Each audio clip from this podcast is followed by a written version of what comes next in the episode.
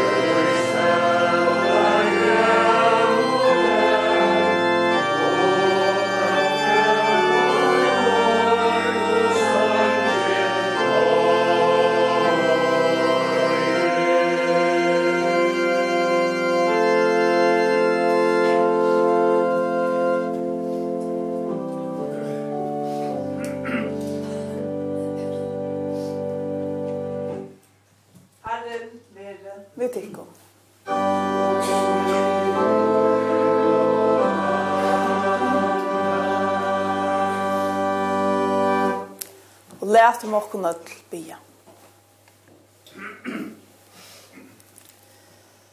Herre vår god, tu som kallar okkun til måltujar, bæg og i kyrkju tøyni her av folton og i avja rujtju tøynun i himle. Vi bia til, djev okkun alltid at øftast og elska i høyla i navn tøyt, så er vid vera verandi i kærløyga tøynun, er og kallet tøynun løyen og fylgja sine tøynun, Jesus i Kristi, og i kærløyga og gøvun gjerun. Honom som vi tær liver og rævur og i øynløyga høyla i andans, øyn sannur god, om altor og æver atlar.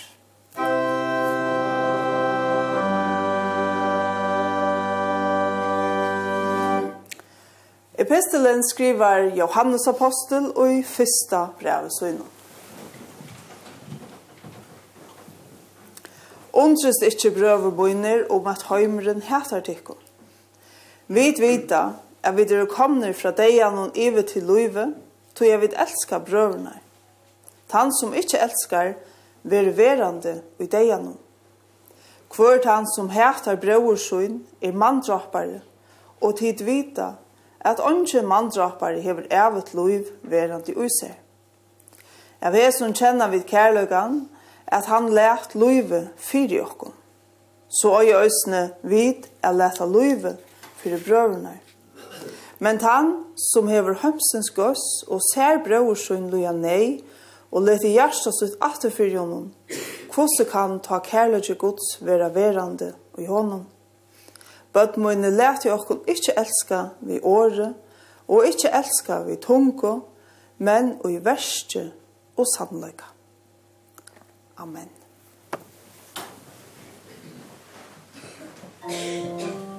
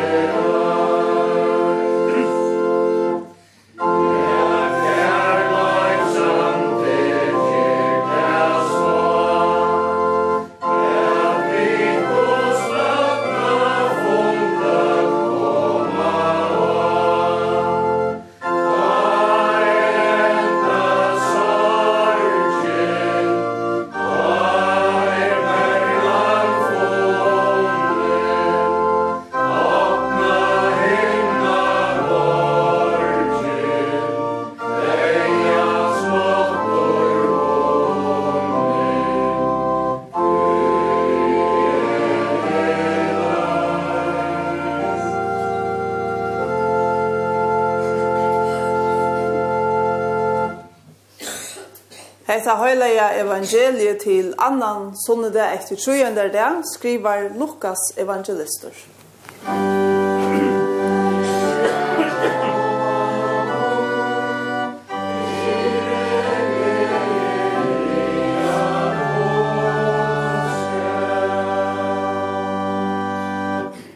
Jesus sier, Ta var en mævur som gjør det en ståra kvöldmåltøy og bei mongum. Og han sendi ut huskalt søgn om tatuina ta i kvöldmåltøyen skulle være hilden, a sia vi tøyr i botnervåro, kome, ty nu er alt tilgjørst. Men tar for atler som øyn at ombyrra seg. Hin fyrste sier, Jeg har kjøpt nekra gjør, og er nøyest å fære ut og hytje at henne. Jeg bygger til halda meg til gåa. Og annars sier, jeg har kjøpt fem pør av okson, og fære nu ut av røyna tøyr. Jeg bygger til halda meg til gåa. Og oppatur ein annar seie, «Jeg er bort nu giftur, og tog kan jeg ikke komme.» Og huskattleren kom og sier herrasunnen fra Hesun.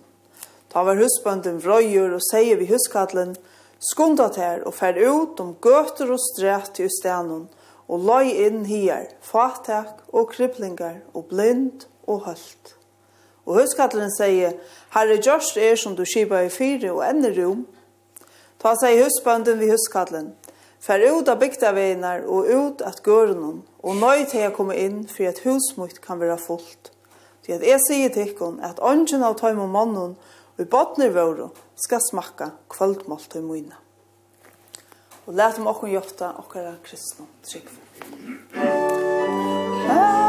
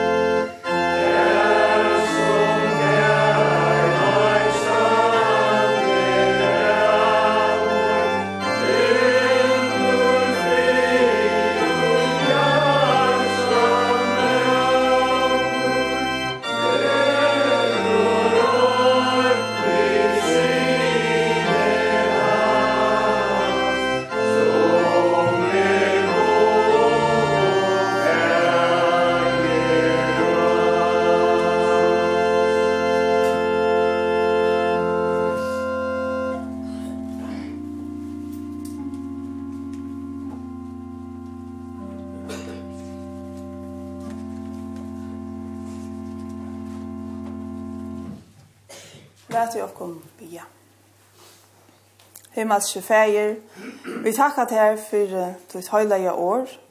År tukt er sannløyge, leta løysa okkom ved til sannløyga og sel. Amen. Og i kyrkje Arnon heva vi nu vi Øron sunnedegi etter trojøndar det, av sånn sett hål av Trinitatis tøyene, eller trojøndar tøyene, som eisen verur kalla kyrkjonar Varslo fruja tui. Vi der byrja og på at han kyrkjelia gjerande stegin, her til vi biblioteksten hon, av sånnom verur dentur lagtur av, kvosset her ståre høgtøyner, der ståre kyrkjelige varslenar, avvirska etla øya et avvirska okkara gjerande steg og loiv saman. Trinitatestojen er lang. Tan langsta i kyrkjeåren fra Trinitates sonnedeie halt fram til adventene som byrjar fyrst i desember. Tog ver verlig sett av til lærdom, til undervisning og veløying, og til at heitjes vera løvsviktigt at er større varslenar, jævl, postur og kvidesona, er båskaperen teker bygg og fester røfter okkara mittlom. Etter første tekster var søgnasta sunnedel lagt ut ved luknelsen om Rygaman og Lazarus, som forteller okkon en rikve om kvann etiskan relevans til større høgtøyner heva for okkara liv. Og hva så vidt som menneske alt og i halda en parst av loivunnen tjokkvarjon øron og i okkara hånden, som danske teologeren K.E. Løgstrup hever sagt det. Og i det høyre vi at Jesus forteller et luknelse, Hesa fer om en ståra og orslo sama vorslo, hevet öll er å boin vi, og ønsken vil sette utanfyrir, som ikkje heldes seg sjálvan vera og gåan til borhald. Hesar boar fyrst og sunnudeganar i Trinitatis verur støye lukka som lagt, og vi vera mitt av ta felaks arbeid vi heva finnje av vera medmenneska. Nek løknelser som Jesus forteller hever fariseerne som ahøyrar, ahøyrarar, og i det er heller ikke undantak. Opptakten til løknelse er et annet bårhalt som Jesus sitter vi, Nemlig at jeg øynene av Tøymon Haksto av fariseerne. Det første som hender er, er at en sjukker medvår kommer til Jesus og bygge om hjelp. Til kvilldavur. Og etter lovene er ikke lov at arbeide, heller ikke hjelpe av noen nasta og nei, av kvilldavur. Og hette er òsne et tema som gonger atter og atter og i samskiftene som Jesus hever vi fariserene. Og sjølvande setur Jesus menneskene i lovene og hjelper til sjuka mannene. Så igjen legger Jesus til merkes hvordan tar innbåten og gestene kappast om tar beste og overste sessene. Når Jesus avtaler, vi kjente årene Ein og kvør som setter seg sjølvan høgt skal være setter lagt, og han som setter seg sjølvan lagt skal være setter høgt. Og så igjen endar Jesus ved at avtale versten fyrir gestalistan og sier «Ta du gest gesta på, ta bjóa fatakon, kriplon, hølton og blindon, og ta skal du være sælur, tog tøyr hava ønske at djeva tær at du fyr». Og så er det at Jesus forteller fariseeren og luknelse om ta stør og kvöldmåltøyna, her det just er og teg som er sett åtanfyr det gode selskapet, som enda, som at enda er og de som sida til Habors. Ta man hava vere nekka strutje tja unnon velsattun og høgt og imøtun fariseara er få Jesus a godt. Alt velna hoksa, vere venda høtte, alt som versteren gjer vere kritisera, Og på en til vi understryka vi irriterande søvun som alltid seta fariseerne og i ringt ljøs. Og Lukas evangelister er en morstar i Jesu nøkje. Her han leter Jesus fortelle søver og luknelse som kompromillest seta menneska og i middeplen og flesa alt avneiut lauerversk og snobbarui om man av. Teksten er i det heva til til felaks at her atler heva okkurst a sige om hvordan Guds rujtje, tryggven av god, religiøs praksis og medmenneska høyrer saman. Johannes fer så lengt som a sige at han som hætar i mandrapare, og han som lette hjärsta atterfyrt hui som loje nei, hever ikkje Guds kærløga og ser. Du kærløgen skal suttjast i verste og sannløga, og ikkje høyrast som føver år. Og Jesaja profeter, som òsne er lestur til dagen i det, profeterar om tan det, ta herre herligana bjøar i varslo, vi føyton krason og gamlon skuron vojne. Betre verir det ikkje.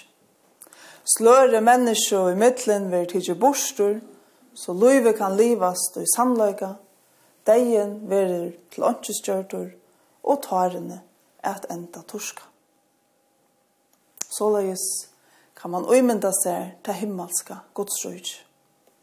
Her er sannløyke, kærløyke, samanhalt og loiv, god er vevnen og trøsten. Jesus teker hesa fyrir jødanar kjent og mynd fra Jesaja-profetet og ombrøyder henne til øysene at vera et etisk krev. Du såleis som god bjøver i varslo, såleis øsne fariseerne. Men der bibelske søvner heva øsne tan egenløyga, at der tåsa inn i okkara tøy og samtøy, og avduga tøy ofta øsne hver i vid er, ikkje bare hver i fariseerne er. Løknelse sier at ein mævur ger stóra kvöldmáltøy og hevur bjóa mongo. Men ta varslan skal vera koma av på, og i stedet for gestur. Mævren verir ytler, og økker om gestalistan vi har færre ut av gøfter og stræte og luftsens skokasujo, og ut av bygdaveinar, så er varslan kan haltast. Og mævren som bjøver er god. Hver er det då fariseerne så, som Jesus og det herster? Og hva hever henda søvan vi okkon at gjøre.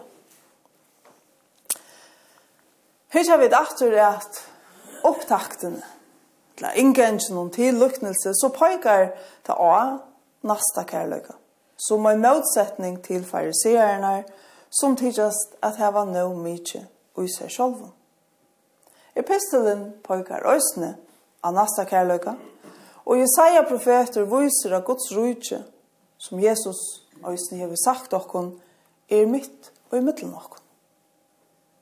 Den grunnleggjande trobeløgjen tidsis vera, som det øysene vær og i luknelsen om røyga mann og Lazarus, ta menneskje heva no mykje og i seg sjolva. Du ta hende det, er vi ikkje suttja okkara medmennesk. Ta er det, er vi takka nøy til løyve som hender rundan om okkon verden gjørs løytel og trång. Og ofte når vi det, takka vi nøy til sammanheng, omsorgan og fellesskap, og lukka okkur inne vi okkar egna sannløyga og trygg og møyningun om ötline. Men evangeliet sier okkur at det alltid er et alternativ. Vi skulle ut at elska okkara medmennesk ut at elska løyve vi öllum tøy som te hever er bjøa. Vi er i vanda for å missa ta viktiga borstur om vi leta karriere og okner definera okkara tilver. Løyve er alltid større og snur seg om anda, trygg og møyning. Ta snur seg om hver annan og til vi skulle skapa og i sannløyga og kærløyga og viring saman. Vi skulle ikke bruka god, at rattvistgjera okkara mørsk, okkara murar og okkara ekno sannløyper. Vi skulle utrunniga god som er kærløyge flita mørsk og omfevna menneskje som er krosht av å utanfyrir til gode selskap. Nek vever i hesson døvun vil tåsa om hverje politisk tiltøk vid øya er seta i versk umøte Russland.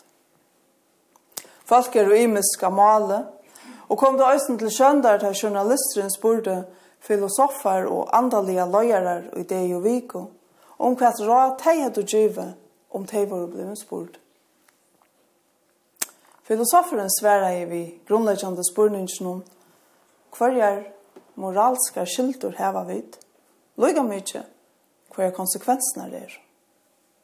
Hverjar skyldur heva vit i fyri øron? Hverjar skyldur heva vit i fyri okkum sjálvum? etla sagt, annerledes, hverje vilja vit vera? Hverje vilja vit vera? Og jokkara okkara gerandes løyve, som land, som folk og ønstaklingar. Vi halde av teksten er i det, og alt sinne tattestøyen setter okkon henda spurning. Hverje vilja vi vera? Men det som evangeliet til å øysne gjer, om vi leta det, er å gjev okkon en ratning og poikar okkon a loj hvordan vi øya at vera. Johannes Møllihave, han hever øysne av bo og på da han i bøkene det ender godt, sier det er jo så nekv som er jo av løfsens nøysøyo. Jeg vil være av løfsens ja-sujo. Det å gjøre løyven om et grunnleggende ja til alt det hever av bjøa. Til alle kampene, til pøynene og konfliktene, kreppene, men òsne alt hitt, gledene, vånene, trunna og kærløkene. Ta vid, som fariseerne fer etter fer vil avtale i for å gjøre, gjøre god, smaligen, etla til rattar holdningar, etla sjálfskoande andalighet, og sia nøy til løyve, så borra gjør dagsens luktnelse en æra mynd fyrir okkon. Her slør jo om tilværende tidsi bostur og brukt som dukur under luftsens krasun og gamle vøyne, samanhalde og varsla. Vår Herre setur omgan etter, og plass er fyrir ötlun vi Herrans bor. Øysni honom som takka nøy. Men hef man nokku så sjálvun er ringt hava rom fyrir øron, særlig fyrir ötlun hinnom. Man god hjelpa okkur, a velja luftsens jæsuju, Og vi evangelien om trygg, vøvn og kærløyga sia, vil vilja vidt være. Lov og takk og atler høyer verit her, gode varun, feir syni og høylavun anda, som alltid hever vere, er og alltid verur, ein sannur trujanur god, ha lovavur fra fyrsta opphavet og om allar æver. Amen og let om okkona til bia. Kære himmelske feir, takk for tuna omsorgan. Hjelp åkken å minnes til at alt okkara er kommet fra tær, og gjev okkona et gavumilt og miskunnsamt hjarta og sinne. Valsikna og varvøyt til noe høyla vår kyrstjo og okkon og henne. Hjelp okkona minna hver annan og at du er en god som er skauer og tryggfur. Vi ber for tøymon som har finnst arbeid, og finnst lite til at teka avkjerer okkara vegna. Hjelp tøymon at omsida gaver tunna ratt, menneskjum til sikningar og tær til er. Vi ber for sjåfalt okkara, for føringen ut i høyme, og atlon som kalla fyrjar sutt høyme. Vi ber for skolen og lærestånden, Gjev tøymon som her arbeid at leggja godt i okkar ungdom, og vysdom og hekne at menna og granska, okkon öllum til gangs. Vi bia til ver til öllum som av åren eller gjeron hava mistrunna at ta gaua i tilværende og kjenna seg ansamall. Hjalp okkon a bera byrar kvar til øron, og såleis gjer okkara til at veruløyden til hver en være bjerstare og betre. Læt okkom kvarstje og i åri etla verste teka luftsgleina fra nøkron menneska. Vi er ikke ødlån som sjuk er og likamlige etla salerlige. Trøsta og styrst ut hei i sorgabonden er og hei som mistheva inn av sunnum kær. Vi bia fyrir ødlån som ønsken bia fyrir høyr bønner okkara. Lois fyrir taimon som lytja til det sørste, og vekt du sjalvor vi taimon. Styrk teg og sida tja taimon. Gjev taimon og okkon ötlun, nøye fri og sikning, og etter a kristlet loiv hinna evig og sel. Høyre okkon og Jesu navne. Amen. Og så er hun ekra kundgjerer, Nå at han har godstannastene, er og dit öll til kyrkjekaffe, som er ute i forskyrkene. Og vannande stek, hava, hava det nek tog at stekka av og drekka en kaffemål saman. Kommande der verur godstannasta vi Støntøro, seg Johansen, og det er øysene klokkan 11. Så er det en løsning fra misjonshusen Bil, utemøte, verur og Batahilen her i Kotlafyr i det, klokkan 16, vi åre og sang framførslo. Og til utemøte balkeren som skipa fyre. Og at han har møte er en drekkamor, og ødel er og hjertelig velkommen. Og let om okkon vi apostelen ikke, hvor er.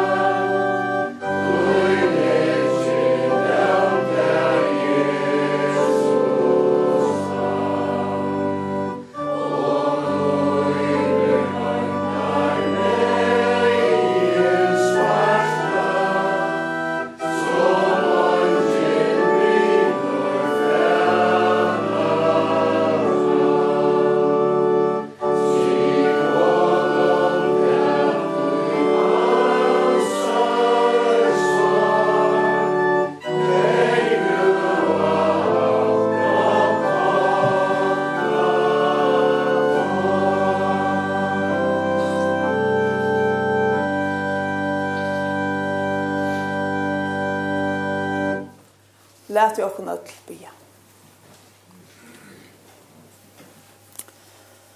Herre vår god himmelske fægir, vi takar til her til at du er myklo nøye og miskuntuine, hever givi okkun til et høyleia og sæla år, og vi tog saunar hina kristne og kyrkjutuina òsni her til okkun. Vi bia til ver til okkun vi høyleia andatuinon, så vi varvøyda etter år tog til takk som og gjørstun, Halt okkon etter tøy, og veksa og færa fram, og i trygg, vøvn og kærløyga, til vid at enda vera sel atlar ever for i øynbarna son tøyn, Jesus Krist var han herra, som vi tær liver og ræver, og i øynløyga høyla i andans, øyn sannor god, om altor og ever atlar. Musik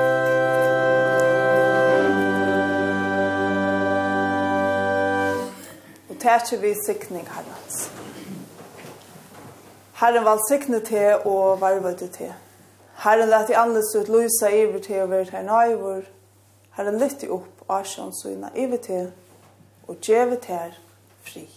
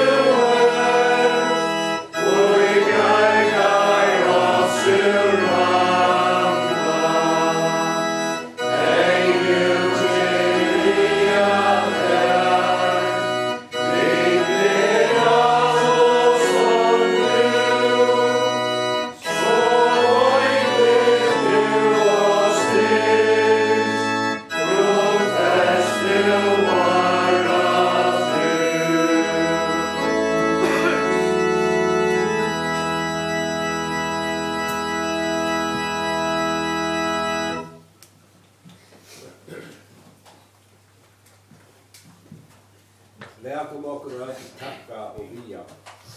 Herre, jeg takkje til herre vøtlun hjarta munnun, fyrir at du hefur lært meg hva du vilt at jeg skal tryggva og gjera.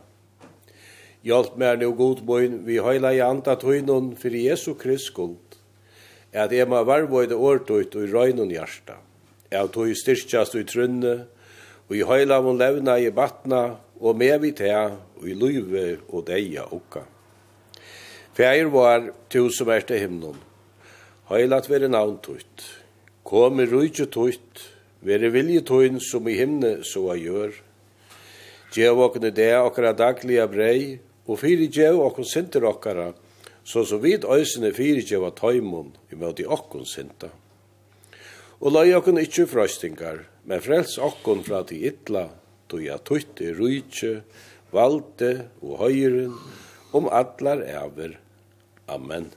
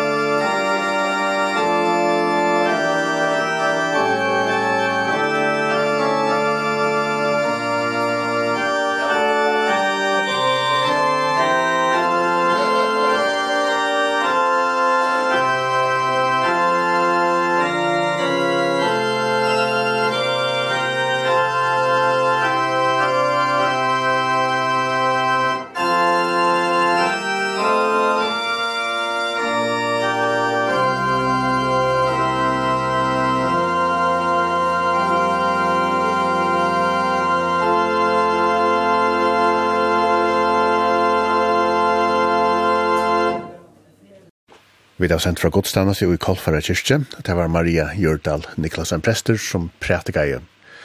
Og tøkninger i kyrkjen var Samal Jakob Jakobsen.